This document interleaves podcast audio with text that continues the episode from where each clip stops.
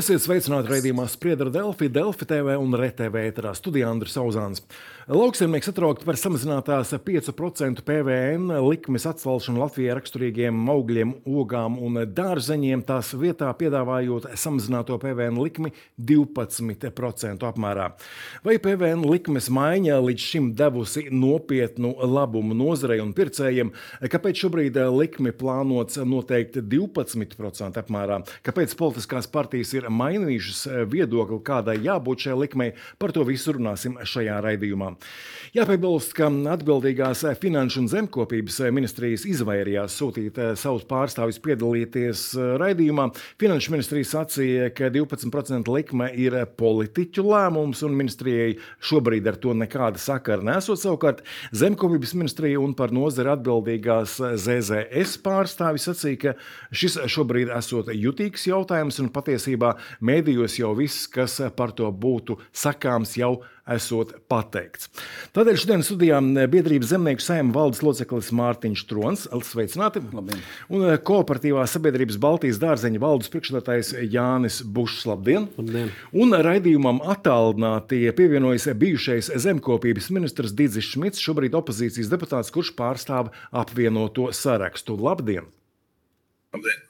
Uh, vispirms gribēju šeit uh, viesiem studijā jautāt, uh, kā jums šķiet, nu, kāpēc sanāca tā, ka ministrija pārstāvji izvairās runāt uh, par šo tēmu? Tas tiešām ir tik jutīgs. Nu, redziet, vēl pirms kāda mēneša radio intervijā no rīta Krausas kungs atzina, ka šis pasākums mazinātais PVN palīdzot importa produktiem un jāpaliek pie 21%. Tad mēs, protams, tikāmies ar atbildīgās frakcijas deputātiem un vienojāmies ar ZZS, ka tomēr nu, paliekam arī pie 5%. Es atgādināšu, ka gan ZZS, gan arī progresīviem pirmsvēlēšanu programmā ir rakstīts, to, ka viņi iestāsies arī par samazināto PVN likmi augļiem dārziņiem. To mēs vēlreiz viņiem, protams, atgādinājām. Likās, ka vienošanās ar ZZS frakcijas vadības pārstāvjiem ir spēkā. Mēs izteicām arī piedāvājumu, ka esam gatavi iet arī uz koalīciju un runāt arī koalīcijai par šo jautājumu. Jo mums liekas, ka nu, mm, īsti finanšu ministrija nav sapratusi saka, to, ka tas samazinātais PVN ir nesis būtisku labumu ne tikai patērētājiem, ne tikai iedzīvotājiem, bet arī nozarei.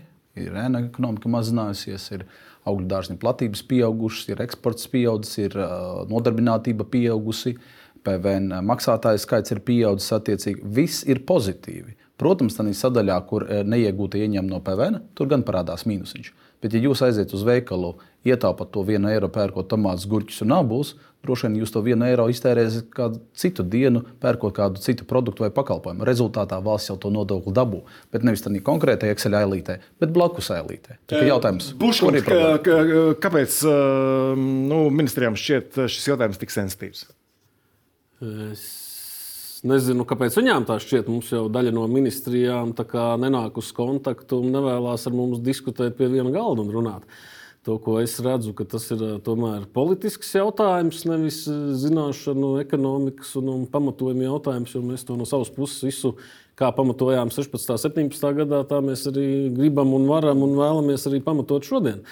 To, ko es redzu, kad zemkopības ministrija visi ir par šo samazināto likmi. Nezinu, ko, ko no viņiem publiski vēl neviens kā, varbūt nav gatavs, jo viņiem nav mandāts e, politiskus lēmumus komentēt, jo ministrijā strādā ierēģi.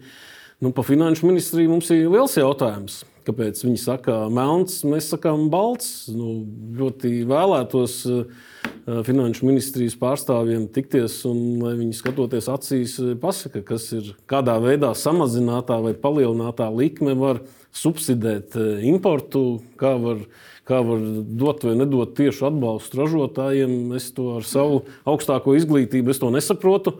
No kurienes viņi to ir izvilkuši, es ļoti gribētu to pamatojumu saprast. Jo mēs redzam, ka šis eksperiments ir ļoti pozitīvs. Pirmkārt, kad PVN sadaļā tas iztrūkums ir tik niecīgs uz to prognozi, cik bija paredzēts 40, 50 miljonu iztrūkums, viņš ir 2-3 miljoni. Kaut gan sākotnējais valsts ieņēmuma dienas novērtējums bija, ka bija plus 10 miljoni iegūms, kas pēc tam finanšu ministrijas labirintos pazuda šis pirmais novērtējums. Un tagad viņi uz otru pusi mēģina pierādīt, atkal, ka melns ir balts, ka pēkšņi palielinot likmi, tie ienākumi būs. Nu, viņi nekur nebūs. Atgriezīsies tie, tie dārzeņi dienas naktas tirgu, kur viņus nekādā veidā nevar izkontrolēt, un tur viņš pazudīs. Un no iedzīvotājiem tiks atņemti 50, 60 miljoni, un budžetā viņi neparādīsies. Šmitkungs, kā jums šķiet, kāpēc ministrijām šis jautājums šobrīd šķiet tik sensitīvs? Es nedomāju, ka viņš ir nu, sensitīvs. Viņš šķiet tikai tādā ziņā, ka ir doti pilnīgi citi solījumi nekā reālās darbības. Un šis ir pirmais budžets, pie kā šī valdība ķerās, un mēs redzam, kā solījumi atbilst darbiem. Tas ir sensitivitātes pamatā. Ja. Bet, ja mēs ņemam pēc būtības, kāpēc finanšu ministrija, kur tagad saka, tas ir politisks lēmums, bet vienmēr ir bijusi uzstājīga uz to, ka nodoklis tiek pacelts līdz 21. Uh, tas ir tāda Excel ticības, Excel formula ticības reliģija Latvijā, ja varētu tā no, pateikt. Ja.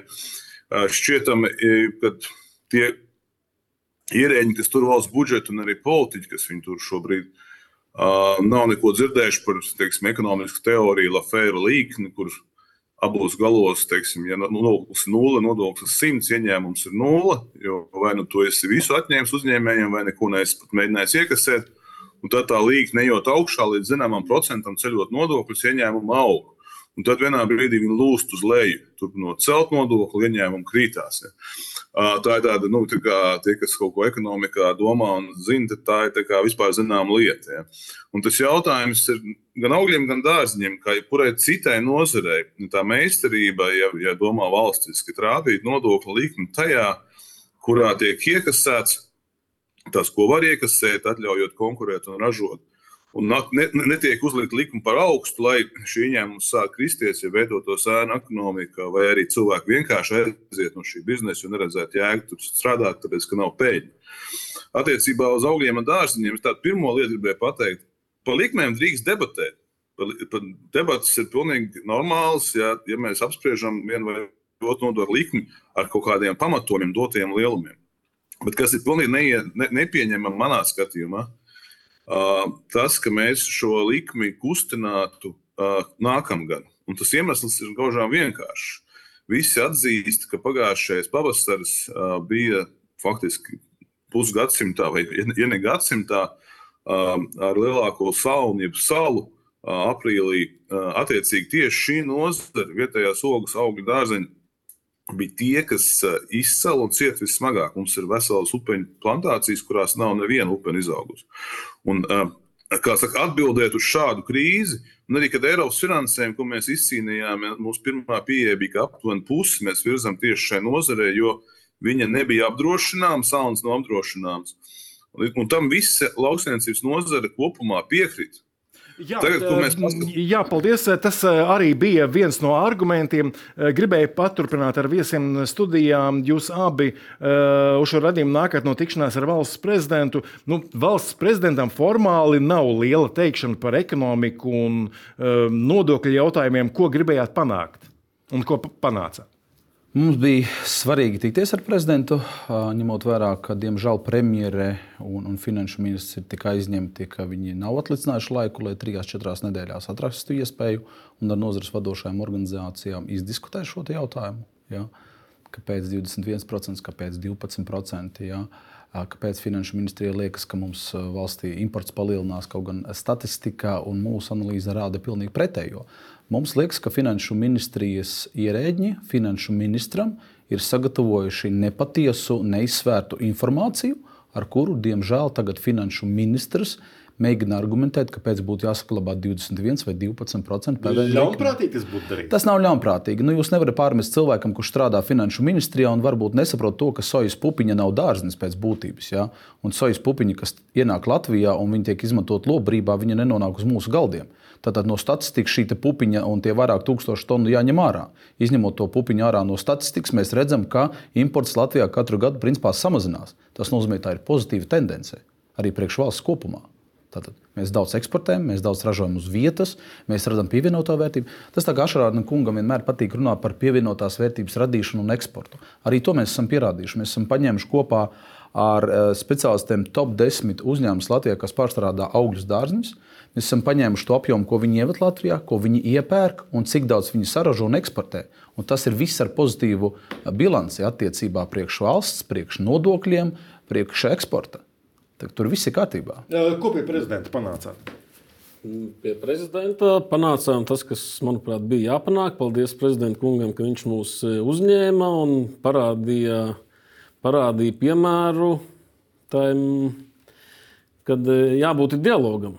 Jo, ko mēs visu laiku uzstājam, kad, ka mums jau nerunā ar nozari, nerunā, kāds kaut kur pieņem kaut kādus lēmumus un, un, un nāk, nāk pēc tam gaismā, kad re, mums ir kaut kāds kompromiss pieņemts. Nu, kā var būt pieņemts kompromiss, ja viena puse to nolēma? Kurš tieši nerunā?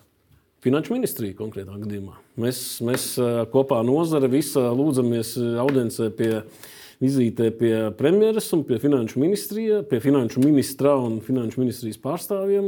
Mēs, mēs, to, mēs to nesam sagaidījuši. Varbūt, varbūt pēc šīs vizītes pie prezidenta redzēs arī pārējie varas pārstāvi, kad, kad vajag un var un vajag tikties ar nozari, izdiskutēt, un lai viņi pamato mums arī, ne tikai žurnālistiem, kāpēc tādi lēmumi tiek pieņemti, uz kādiem datiem viņi pamatojās. Nu, mēs to, ko tagad redzam, ka mēs, mēs operējam ar, ar vieniem datiem. Un Finanšu ministrija operē ar nedaudz citiem datiem. Statistika jau tāda lieta ir. Var, var viņu pagriezt dažādi un var nopamatot tos ciparus ļoti dažādi. Tāpēc mēs gribam, lai mēs visi kopā skatāmies tos datus eh, vienādi. Mēs taču esam šeit viena ļoti neliela, maza valsts, maza ekonomika, maz cilvēki. Kāpēc šādi vien runājam dažādās valodās? Uh, Šmitkungam gribēja jautāt, nu, tas jau nu, diezgan sen bija zināms, ka šie 5% likme ir spēkā līdz šī gada beigām. Kāpēc šis jautājums netika at at atrasināts jau laikā, kad, kad jūs bijāt zemkopības ministrs? Laikā, kad es biju zemkopības ministrs, jūs ļoti labi ziniet, uh, saka, mēs nesākām sarunu vispār par jauno budžetu. Mēs, normāli bija jābūt augusta vidum, kad finanšu ministrs nāk ar savām vadlīnijām, konkurētspējas uzlabošanai, un tad būtu saruna par budžetu. Bet kā, no 10. maija jau tika veidota jauna valdība, attiecīgi skaidrs, ka visi arī budžeta jautājumi un likmi nodokļu jautājumi bija jau šīs jaunās koalīcijas veidošanas sarunās visu vasaru. Līdz ar to tehniski mēs iesniedzām informatīvo ziņojumu, kurš šī likuma tika prasīta saglabāt, bet premjerministrs, kā saka, nereiz viņa tā arī uz dienas kārtības neuzlika. Bet uh, es varbūt divas vārdus gribēju pateikt par, uh, par to veidu, kā komunicēt un savādāk, un par izcinājumu. Manuprāt, manuprāt, ņemot vērā tieši to, ko es, ko es pabeidzu iepriekšējo domu par šo īpašiem laika apstākļiem, uh, kas bija pagājušā pavasara izpratnē, lai sagatavotos normālai darbam nākošais gads, būtu vienkārši jāpieņem ar prezidenta palīdzību vai savādāk lēmums, ka 2024. gadā likmes paliek vecās. Un, ja tās tiek grozītas, tad ne ātrāk ar 2025. gadu, tad ir, tad ir šis iztrūkstošais dialogs arī jānoorganizē. Un es domāju, ka tā patiesība ir kaut kur par vidu. Ja? Es, es neuzskatu, ka 5% likme arī ir pareiza. Es uzskatu, ka likmei jābūt tādai, kas novērš ēnu ekonomiku un ļauj iekasēt to maksimumu, ko tā attiecīgā situācija var iekasēt. Ja. Vai tie ir 12 vai starp 5 un 12? Tur, protams, ir nianses ar to, kā likmi mēs drīkstam noteikt. Bet es domāju, ka tas būtu tikai kolēģiāli un pareizi šajā gan uz nākamo gadu to neaiztikt. Tad ar skaitļiem, pierādījumiem, datiem, visu to, ko Tronkungs minēja par sojas izņemšanu ārā un savādāk vispār saprast, uh, uzdevumu var izaicināt, tad, kad ir piefiksēti korekti dotie lielumi. Ja, un, uh, tas ir tas, kas pirmkārt būtu jāizdara, un kas ir acīm redzami, nav izdarīts. Nu, Puškungs gribēja piebilst. Jā, šeit ir atkal kārtējā manipulācija. Tā kā ar statistikas datiem var manipulēt arī par šo 23. gada 31. decembri. Nedaudz tiek, tiek manipulēts un maldināta sabiedrība. Nebija jau tā, ka tas likums ir pieņemts un viņš beidzās šī gada 31. decembrī. Tur jau tā likuma doma bija tāda, ka viņš tiek pieņemts uz laiku, lai šajā laikā izvērtētu iegūmus, zaudējumus. Kā pilota projekts. Jā, un uz, tā, uz, uz izvērtēšanas pamata turpinātu. Nebija nekad tā doma, ka mēs tagad terminēti trīs gadi un punkts. Tur jau galvenā doma bija izmēģinām. Un tāpēc arī nozare līdz šim tā kā baigi skaļi nekur necēlās kājā, negāja runāt. Jo mēs kā nozare redzam, ka tas viss ir pareizi, viss strādā, ēnu ekonomika mazinās un, un visi darba spēka nodokļi un darba vietas pieaug. Mēs ar pilnu pārliecību, ka eh, tas, tas iegūms valstī ir no samazinātā PVN un ka viņš tiks turpināts. Un tagad pēkšņi finanšu ministrs ceļās kājās, saka, nē, jūs jau zinājāt, ka nebūs. Tāda nebija tā likuma doma. Likuma doma bija terminēti, lai varētu izvērtēt. Izvērtējums no, no Finanšu ministrijas šis informatīvais ziņojums ir sagatavots. Finanšu ministrija viņam nav iebildusi. Mēs arī piekrītam, bet viņš, diemžēl, saimā nav izskatīts. Uh, uz ekrāna šobrīd varam paskatīties uh, šo ministru prezidenta Sevikas Siliņas ierakstu vietnē X pirms nedēļas. Citēju, ar valdības partneriem esam vienojušies par samazinātās 12% PVN likmes piemērošanu Latvijai raksturīgiem augļiem, dārziņiem un ogām. Nu, neuzmanīgam lasītājam tas varbūt pat nolasās kā sasniegums, ka likme tiek samazināta, nevis palielināta. Kā vērtēt šādu likmi komunikāciju? Pacelta no, no vienkārši matemātika no 5 uz 12 palielināta principā divas reizes, vairāk kā divas reizes palielina. Bet, Vai tas ir sasniegums? Tie, kas Nedomāju. nezina, kāda likme ir šobrīd, tas varbūt tiem varbūt šķiet, ka tie, tas ir. Tie to sajutīs 24. gada 1. janvārī. Un īstenībā manā un Buša kunga vietā te pie jums bija jāsēž pensionāru federācijas vadītāji, arotbiedrībām jāsēž, daudz bērnu ģimeņu asociācijas vadībai un jādiskutē, ko darīs attiecīgi valdība sākot ar 1. janvāru, jo pārtiks produktiem pieaugs cena augļiem, dārziņiem cena pieaugs par 16 līdz 20%. Attiecīgi, ja mēs paliktu pie 21%. Un valdība nav pateikusi, ka mēs 25. gadā neatgriežamies pie 21%. No Siliņas un Ašrāda un kunga vēlāk teiktā, es saprotu, ka 12% iespējams varētu būt kompromiss viņa prāt uz 24. gadu. 25. gadā mēs atgriežamies pie 21%. 26 Eiropas, Eiropas Savienības valstīs, 26 Eiropas valstīs 24, 22 ir samazinātais PVN. Tikai dažās nav samazinātais PVN pārtikas produktiem. Un mēs būsim viena no tām retajām bagātajām valstīm, kur nebūs samazinātais PVN pārtikas produktiem. Vai tas, tas, uz ko mēs virzamies? No IKP mēs salīdzinoši ar citām valstīm ļoti maz tērējam sociālajām vajadzībām. Protams, ir otra opcija. Mums ir dārga pārtika, dārga dzīvošana, bet mums ir lieli bērnu pabalsti, pabalsti maznodrošinātājiem. Bet nav Šāda lieta nav mums sasniegta. Mēs ļoti daudz arī no mājsaimniecības ieņēmumiem kopumā tērējam pārtikas produktiem, ja? kas nozīmē, ka nu, kaut kas īsti nav kārtībā. Uh, gribēju jautāt, um, mēs runājam par ēnu ekonomikas samazināšanos. Nu, kas tad īsti apliecina, ka līdz ar šo 5% likuma ieviešanu nozarē tā ēnu ekonomika samazinājās? Apliecina budžeta ieņēmumi. To, ko Finanšu ministrija neapstrīd, kad samazinot pievienotās vērtības nodokli no 21 uz 5%, ka PVN ieņēmumi nevis samazinājās par 16%, bet viņi palika tajā pašā līmenī, kāda bija pie 21%. Un tā ir tā matemātika, ko viņi negrib saprast. Ka visiem maksājot 5%, ieņēmumi ir tādi paši, kā atsevišķi daži maksājot 21%. Ja PVN likme kāps, vai tas automātiski nozīmē, ka daļa nozares atgriezīsies sēna ekonomikā? Jā, jo tā, tā, tie pētījumi, kas ir pieejami pasaulē, kas ir veikti, kad 8 līdz 11% ir tā robeža, kur ēna ekonomika ir interese darboties. Šmitkungs, kāds jums šķiet būtiskākais ieguvums no šiem 5% šī ēna ekonomikas samazināšanās? Nezinu, varbūt algu kāpums nozarē, kas cits. Es domāju, ka pirmkārt tas ir viennozīmīgi ēna ekonomikas samazināšanās. Tas, kas kādreiz tika uzrādīts kā Latvijas produkts, tagad arī ir Latvijas produkts, nevis ir Polijas produkts.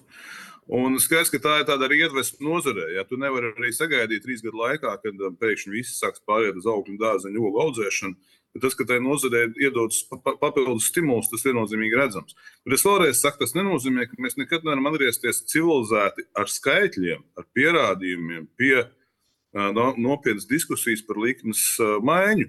Ja, ne, neatjaunojot ēnu ekonomiku, un kā es saku, vienu, mēs runājam tikai par nodokļu likmēm, bet patiesībā mēs redzam absolūtu neusticību uzņēmēju videi, ne tikai sabiedrībai kopumā, bet uzņēmēju ka mums ir valdība, kas māca rēķināt, kas māca datos balstīti analizēt, un kas pieņem lēmumus, izdiskutējot viņus, uzklausot visus argumentus. Ja, un arī politiķi, kas ir solījuši ar putām uz lūpām, ka šāda likme tiks saglabāta, to maina nākošajā dienā, kā nokļūst pie varas. Un tas viss veido milzīgu neusticību. Un neusticības apstākļos, es atvainojos, neviens arī uzņēmēja darbību īpaši paplašināt Latvijā nevēlas. Un tas ir jāskatās, nu, tāpēc tas viss ir tāds ļoti komplekss skatāms. Ja. Un, uh, un es, es arī saku, šis būtu labs piemērs, kur uzklausot nozari, gan prezidentam iestājoties, gan savādāk, mēs nokļūtu pie tā, ka mēs šo diskusijas laiku pagarinām uz nākošo gadu, un šogad īpaši tāpēc, ka bija īpaši apstākļi, likmi vismaz neceļam. Jā, paldies!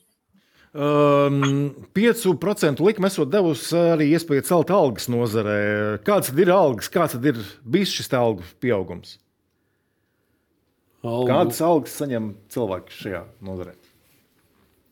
Informatīvajā ziņojumā ir. Es no galvas jums eh, nepateikšu. Noteikti algas, vidējās algas ir, eh, ir, ir pieaugušas. Es jums varu izstāstīt piemēru no, no, no sava uzņēmuma. Ja, ja mēs eh, visi kooperatīvus kopā ar visiem biedriem 2016. gadā nodokļos nomaksājām 4 miljonus eiro, Un tad eh, šobrīd, pa 22. un 23. gadu, tie arī būs tie paši 4 miljoni eiro pie samazinātās PVN likmes. E, respektīvi, mums ir 2 eh, miljoni eiro, ko, ko mēs pievienotās vērtības nodokli samaksājam mazāk. Viņš tagad ir aizgājis uz eh, iedzīvotāju ienākumu nodokli, sociālo nodokli. Kopējie ieņēmumi ir, ir palielinājušies. Un tajā skaitā budžets vēl nav zaudējis arī uz to pievienotās vērtības nodokļu likmi. Ja, ja runājam vēl par algu pieaugumu, tas ļauj vai neļauj izvairīties no viestrādnieku izmantošanas nozarē? Mēs redzam, ka salīdzinot 18. un 22. gadu darba ņēmēju skaits šajā nozarē ir pieaudzis par 10%. Tas nozīmē, ka mums legalizējas arī nodarbinātība, kas ir arī būtiski attiecīgi, jā, lai, lai cilvēkiem ir legāla darba vieta un legāli ieņēmumi, un valstī arī tomēr nodokļi nāk iekšā. Uh, Mēs redzam, ka, jā, protams, attīstoties nozarē, ir nepieciešams arī papildus rokas. Un, un tāpēc, protams, iespēja robežās tiek darīts viss iespējamais, lai nozare modernizētu, lai daudzas lietas, ko varbūt dara cilvēki, mēs varētu darīt ar mehānismiem, traktoriem un kombainiem. Bet tāpat šī nozare nevar iztikt bez darba rokām. Un jāsaka, ka šī nozare ir ļoti svarīga arī reģionos, kur cilvēkiem varbūt ne visiem ir laba izglītība, ne, ne visiem ir labas darba algas. Uh, Kāds varbūt vēlas piepelnīties, kādam varbūt ir cita veida atkarības un netikumi, bet tā ir iespēja viņam iznākt sabiedrībā, sākt strādāt un, un varbūt arī, arī laboties. Un, un daudz netikumus arī, arī, arī atnest. Vai varam secināt, 5% uh, likme mazviestrādnieku, 21%? 21% likme. Skaidrs, ka jebkurai attīstītā Eiropas Savienības valstī agrāk vai vēlāk arī lauksaimniecības nozarē ir nepieciešama viestrādnieki. Mēs redzam situāciju, kas ir noticis pēdējos 15, 20 gados, kad liela daļa arī no latviešiem ir aizbraukusi uz Angliju, uz Vāciju, un arī tur ir sākuši strādāt lauksaimniecības nozarē. Ja? Tās tās nozares, kur varbūt nav nepieciešama valoda, kaut kādas būtiskas iemaņas, bet tur ir nepieciešams darba rokas mēs arī jūtam, ka ir nepieciešama šīs darba rokas, tīpaši uh, ogu nozarē. Tā, jā, nu, aug, Dārziņus varbūt daļu vēl var vākt ar kombināciju un tehniku, bet ogas, teiksim, kā zemes, ir, ir jālasa ar rokām. Ja? Un tur šie viestrādnieki brīžiem ir nepieciešami. Viņi arī tiek piesaistīti no, no Lietuvas, no, no, no Polijas kompānijām, jo, nu, paši ziniet, mums joprojām vēl ir Iepriekšējā un šī valdībā ir diskusija par viestrādniekiem, jā, attiecīgi vai to lietu legalizēt un atļaut arī Latvijā uzņēmējiem viņas vajadzības gadījumā ievest, vai tomēr mēs viņus un viņu pakalpojumus ņemam caur Lietuvu un Poliju. Agrāk vai vēlāk šī lieta paliks aktuālāka. Un, ja mēs gribam arī attīstīt nozari un ēst vietējās zemes, mums tos viestrādniekus arī šeit vajadzēs. Uh, Šmitkungs jau pieminēja, ka nu, augļkopiem bija tie īpaši sarežģītie laika apstākļi, šogad salnas, sausums, uh, vai kaut kas tiek solīts vietā, kaut kāds atbalsts, ja nesaņemat šo 5% likmi? Es tagad nepateikšu, kāda ir pēdējā stadija. Varbūt Mārtiņš vairāk jā, zina. Bet, tad, ja drīkst, jā, jā, jā. Varbūt tad, jā, nu, principā mums pēdējās trīs nedēļas ir pagājušas arī diskusijās ar Zemkopības ministriju par šo Eiropas Savienības piešķirtu atbalstu, kur izcīnīja Šmita kungs, bet tagad dalīts Krauzes kungs. Tie ir tie 6,1 miljoni, kur ir vienošanās starp visām organizācijām, ka 3,1 miljoni aiziet augļkopības un ogu nozarei un tiek sadalīts kā atbalsts par hektāriem, ņemot vērā arī šīs saunas. Un 3 miljoni aiziet lopkopības nozarei, nu, ņemot vērā arī šo sausumu, piena cenu kritumu, gaļas cenu kritumu un tam līdzīgi. Tas atbalsts būs. Tas, ko, protams, piedāvā arī jaunais ministrs un jaunā valdība, piedāvā vēl papildus 3 miljonus. Kurus sadalot uz visām augļu, ogu un dārziņu platībām, sanāk 170 eiro um, investīciju atbalsts uz hektāru. Nu, kas, manuprāt, ir smieklīga un neadekvāta nauda. Uh, pa kādu valdību cenšas principā nozara uzpirkt vai atpirkties. Mēs gan bijām uz vienu citu vēl frakcijas sanāksmi, kur viens no frakcijas deputātiem mums piedāvāja vēl 3 miljonus, ja, uz ko gan man bija jāatbild, ka mēs nepārdodamies kā nozare. Ja, un, un PVN jautājums ir mūsu prioritāte, un mēs iesim tiešām līdz galam. Uh, Šmitkungs, kā jums šķiet, vai varam uzskatīt, ka pircēja veikalos šo 5% likmi sajūta un novērtēja? Es domāju, ka cilvēki novērtēja savus vietējās produkcijas pieejamību. Bet varbūt vienu vārdu vēl es gribētu pateikt. Patiesi, nu, jūs prasījāt par iestrādniekiem un par nozares efektivitāti. Es domāju, ka augļu dārziņu ogas, ja mēs skatīsimies no iespējamiem ieguvumiem uz hektāra, viena no potenciāli nākotnē virzieniem Latvijas lauksaimniecībai, īpaši arī, jau, arī klimata apstākļi kļūst ar, ar vien tādi, kur mums ir tas, pie mūsu audzēšana ir izdevīgāk. Un viestrādnieki Latvijā vienmēr lauksaimniecībā sezonā ir trūkuši kopš Latvijas valsts pastāv. Mēs viņus esam veduši uz laiku iekšā no dažādām valstīm vēsturiski, un tas būs jādara. Neiet runa par masveida imigrāciju no austrumiem, kur cilvēki paliek un vēlāk pretendē uz pilsonību, bet iestrādnieki vasarā, sezonā, laukos vienmēr ir bijuši vajadzīgi un būs vajadzīgi. Bet es par, par, par, par, par, par cilvēku ieguvumu es domāju, ka um, sajūta, ka tu vari nopirkt savu produktu un tu esi drošs, ka tas ir tavs produkts. Jo šodien nav pamats mānīt, mānīt pircēju ar poļu tomātu, nosaucot to par Latvijas. Nav vienkārši nekāda ekonomiskā pamatojuma tam šobrīd. Es domāju, ka tas ir, tas ir liels iegūms. Ja, vispār augļu dārzeņu ogu lietošana pārtikā ir ne tikai ekonomikas, veselības un arī citādā veidā ļoti pozitīva tendence Latvijā. Paldies. Šeit studijā arī gribēju jautāt, vai, vai dati apliecina, ka cen, cenas tiešām samazinājās? Tajā brīdī, kad atcerieties, mēs pārgājām savulaik no, no Latvijas uz eiro, un tad bija vienošanās starp tirgotājiem un valsti par to, ka mēs pārējām tā kā godīgi uz eiro. Tirgot, jā, un arī tajā 18. gadā, kad mēs pārgājām samazināto likmi, arī tad tika panākta vienošanās starp tirgotājiem, ministriju un nozari par to, ka mēs godīgi pārējām. Un, lai to godīgumu pieskatītu, arī zemkopības ministrija arī algoja zinātniekus, kuri arī staigā pa veikalu saka, tīkliem, plauktiem un skatījās šīs cenas. Un tas arī pierādījās, ka mēs esam sasnieguši arī to efektu attiecībā arī uz cenām. Arī e, vēl pirms pāris nedēļām kolēģi arī apskatījās, kā saka, divus piemērus - Latvijas Barbora LV un Lietuvas Barbora LV, ja, kur daži iepērkās, bija acīm redzama cenu atšķirība. Principā lielākā daļā produktu grupām, augļu dārziņi, kas ir Latvijas Latvijā raksturīgi, mēs redzējām, ka Latvijā viņi ir lētāki nekā, nekā, nekā Lietuvā. Bija atsevišķas pozīcijas, kur varbūt cena bija identiska, kāda pozīcija augstāka, bet mēs esam sasnieguši to, ka tas vietējais Latvijā raksturīgais augsts dārziņš ir pieejams cilvēkam. To varbūt nejūt pērkot kartupeli vai ābolu tik būtiski, bet ja jūs pērkat ziemas periodā, pirms tam pirkāt tomātu par 5 ar kaut ko eiro, tad tagad tas tomāts varbūt maksā 4 ar kaut ko eiro. Ja? Un, un tad tā ietekme, kas gandrīz varbūt brīžiem ir tas eiro, ir jau tas psiholoģiskais, kā saka, cipars ko jūs sajūtat, un tad jūs esat gatavi tomēr to tomātu varbūt nopirkt, jo viņš maksā 4 eiro, nevis 5 eiro. Tur to būtiski jūt. Un mēs redzam, ka arī tas patēriņš ir palielinājies. Cilvēki var atļauties vairāk pirkt augļus un dārziņus. Mēs tieši kā kooperatīvs eh, nodrošinām to realizāciju biedriem. Tāpat cenām viens eh, liels svarīgs faktors dārziņu nozare ir, ka eh, mēs esam negribu teikt, ka vienīgā, bet man liekas, ka vienīgā vai viena no nedaudzām, kurā mums komunikācijā lielveikaliem mēs par cenām runājam katru nedēļu. Ja pienam, maizē, nezinu, alam, vēl kaut kam viņi vienojās par, par, par cenu uz pusgadu vai uz gadu, Tad dārziņi ir tā nozare, kur mēs katru nedēļu uz nākošo nedēļu vienojamies par cenu. Tāpēc eh, nu, pircējiem ļoti grūti novērtēt. Viņš pateiks, ka vakar bija šī tāda cena, šodien ir šī tāda cena. Tā, tā ir jauna cena, kuru veikali nosaka, ņemot vērā apkārtējo tirgu, un tas jau nav ražotāja noteiktā cena. Bet eh, tas PVN, nu, visi liekas, ka viņu tā kā Viņš, parā, viņš var parādīties, vai viņš var neparādīties. Nu, viņš jau PVN ir pats pēdējais, kas pie cenas pieliekās klāt. Nu, lai, lai cilvēki saprastu, tas ir kā e, taras depozīts. Nu, ir produkta cena, ir PVN, ir veikala uzcenojums, un klāt ir taras depozīts - 10 centi. Ja viņš noteiks 10 centi, tad viņš klāt 10 centi. Ja būs noteikts 5, tad būs 5, 15, 15. Ar PVN dārziņiem ir tieši tāpatās. Nu, cik viņu nosaka, tik viņu galā veikalā pieliek klāt. Šmitkungs, zinot politikas virtuvi, kā jums šķiet, vai vēl ir iespēja situāciju mainīt un tomēr panākt vienošanos par 5% likmi, kamēr budžets um, vēl nav pieņemts, vai tomēr nav šādas iespējas vairs? Kā jums šķiet? Es domāju, ka iespēja ir, un tā ir daudz vairāk atkarīga šobrīd un cepurt nost lauksaimnieku organizācijām, kas par šo lietu iestājas. Jo stingrāk viņi iestāsies, jo lielāka ir iespējamība, ka, ka panāks savu. Un uh, budžets vēl nav pieņemts, uh, līdz ar to absolūti viss ir iespējams. Uz ekrāna šobrīd varam paskatīties, ka portālā Mana balss arī ir savākt paraksti par esošās PVN likmes saglabāšanu. Vai tie paraksti var kaut ko ietekmēt? Uh.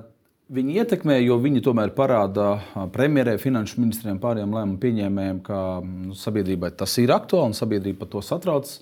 Juridiski gan jāsaka, ka nu, tad, kad tās balss jau, jau ir savāktas, tad tas jautājums nonāk saimā.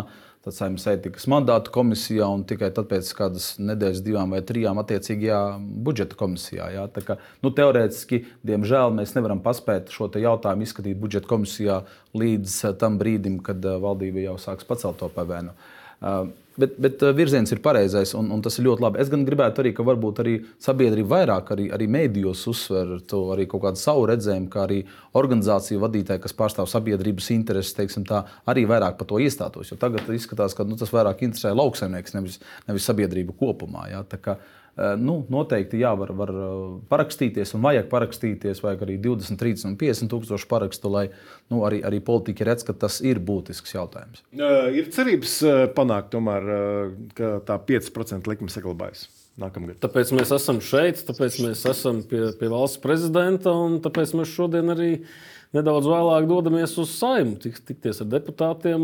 Viens no tiem jautājumiem būs, kas tad tautai ir jāizdara, lai deputāti ieklausītos? Jo šobrīd ir tā, ka eh, mēs te tā tukši grabam kaut ko. Un, Un visiem ir viena alga, pretī kaut kur tālumā stāv kaut kāda finanšu ministrijas Excel tabula, kuru, kuru nedrīkst mainīt, pārskatīt, un kuru nedrīkst komentēt un labot. Nu, mēs uzdosim jautājumu. Mums šobrīd ir 11,231 paraksts. Nu, Kurš ir tas eh, limits? Cik vajag būt? 12,000, 15, 80, 100. Nezinu, jāatbrauc ar traktoru, ir pie saimnes. Kurš, vai tiem cilvēkiem ir jābūt kurš ir, kurš, jautājumā, kur, kas, ir kas, kas ir tas kritiskais brīdis, Jā. kad, eh, kad, kad deputāti ieklausās? Viena lieta ir šī argumenta par Excel tabulu, bet otra ir, es domāju, tie, kas. Tie, kas pirms vēlēšanām šo solīja, ciet, nu, viņiem droši vien bija bijuši jā, jābūt aprēķinājušiem kaut ko. Uh, nu, es domāju, ka jātur tie, kas ir solījuši pie, pie solījumiem. Uh, jā, ja, ja drīkst, jā. mums pat uh, ir, ir viena mm, augļu kooperatīva vadītājs, kurš ir arī publiski Facebookā ierakstījis ziņu par to, ka viņš nožēlo, ka viņš tiešām ļoti nožēlo, ka pirms kāda laika viņš ir nobalsojis konkrēti par vienotības uh, kandidātu Ašrādnu kungu uh, kurzemes vēlēšanu iecirknī pūrē. Jā, nu, nu, protams, arī, arī šāda veida teiksim, sabiedrības aktivitātes mums noteikti var palīdzēt. Jā. Mēs uh, redzam, ka arī lauksanieki ļoti daudz ir publicējuši arī, arī video aicinājumus premjerē, finanšu ministrijai, arī argumentēti izklāstot šo savu radušo situāciju. Uh, kāpēc ir jāsaglabā tas PVN. Un mēs arī noteikti gribētu, ka arī sabiedrība ne tikai par Palestīnas vai, vai Izraels jautājumu, arī aktīvi Facebookā varbūt diskutē un izsaka savu viedokli, bet arī par PVN. Un tas ir tas, kas arī mums pašlaik ļoti būtiski tūlīt visus skars. Šmitkungs, vai vērojot šo situāciju ar PVN augļiem un dārzņiem, izskatās, ka pie šīs valdības samazināto PVN citiem pārtikas produktiem nesagaidīsim? Uh, nu, es nezinu, pie šī jautājuma, cik, cik ilgi būs šī valdība, bet uh, man, man ir duāls sajūta par samazināto PVN pāriem produktiem. Es domāju, ka tas, kas mums pirmkārt būtu, un tam es domāju, piekritīs pilnīgi visi, kas nodarbojas uzņēmējdarbību laukos vai pilsētās, ka pirmais un būtiskākā nodokļu pārskatīšana būtu attiecībā uz darba spēka nodokli. Un jāskat, tas būtu viss kopumā. Ja mēs uh, norausim PVN, mēs uh, ne, izpratnē neiekasēsim arī no tiem, kas importē šeit. Ja. Mums ir svarīgi prioritāte numur viens - radīt apstākļus Latvijas ražotājiem laukos un pilsētās, lai viņi spēj saražot konkurētspējīgu produktu un ieteicams eksportam. Ja. Tas būtu pirmais. Mēs nevaram atraut, skatīties vienu nodokli no visas šī kopējā. Ja. Es, nu, ņemot vērā, ka šī valdība ir viņas locekļi ir solījuši gan, gan progresīvie, gan ZZS samazinājumu. Mēs redzam, kā gāja pirmajā budžetā, ja, pie solīta samazinājuma. Tas, kas ir noticis, ir tikai viens paaugstinājums. Ja, man nekāda īpaša cerība nav, bet, bet es arī, kā lai pasaka, tā cerība Latvijai kopumā nešķirojot politiskās krāsas, radīsies tajā brīdī, kad valdības vadītāja vietā mēs iecelsim nevis to, kam pienāks nosacīt, bet to, kas spēj tiešām redzēt ekonomiku un valstu kopumā kurš nosakot vai rosinot noteikti nodokļu likmes, ir ņēmis rokā datus un spēja pamatot, kāpēc viens vai otrs lēmums dos rezultātu labāku Latvijai nekā līdz šim.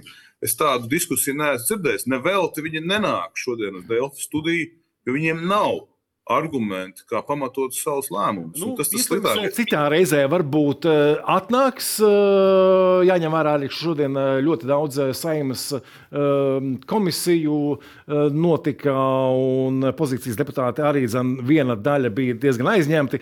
Te uzreiz ir jāsaka paldies raidījumu viesiem. Mūsu raidījuma laiks, diemžēl, ir noslēdzies, lai gan runāt mēs varētu vēl par šo tematu pietiekami ilgi. Nākamais Spriedra Delfija raidījums ietrā rīt. Šodien paldies, ka skatījāties uztikšanos!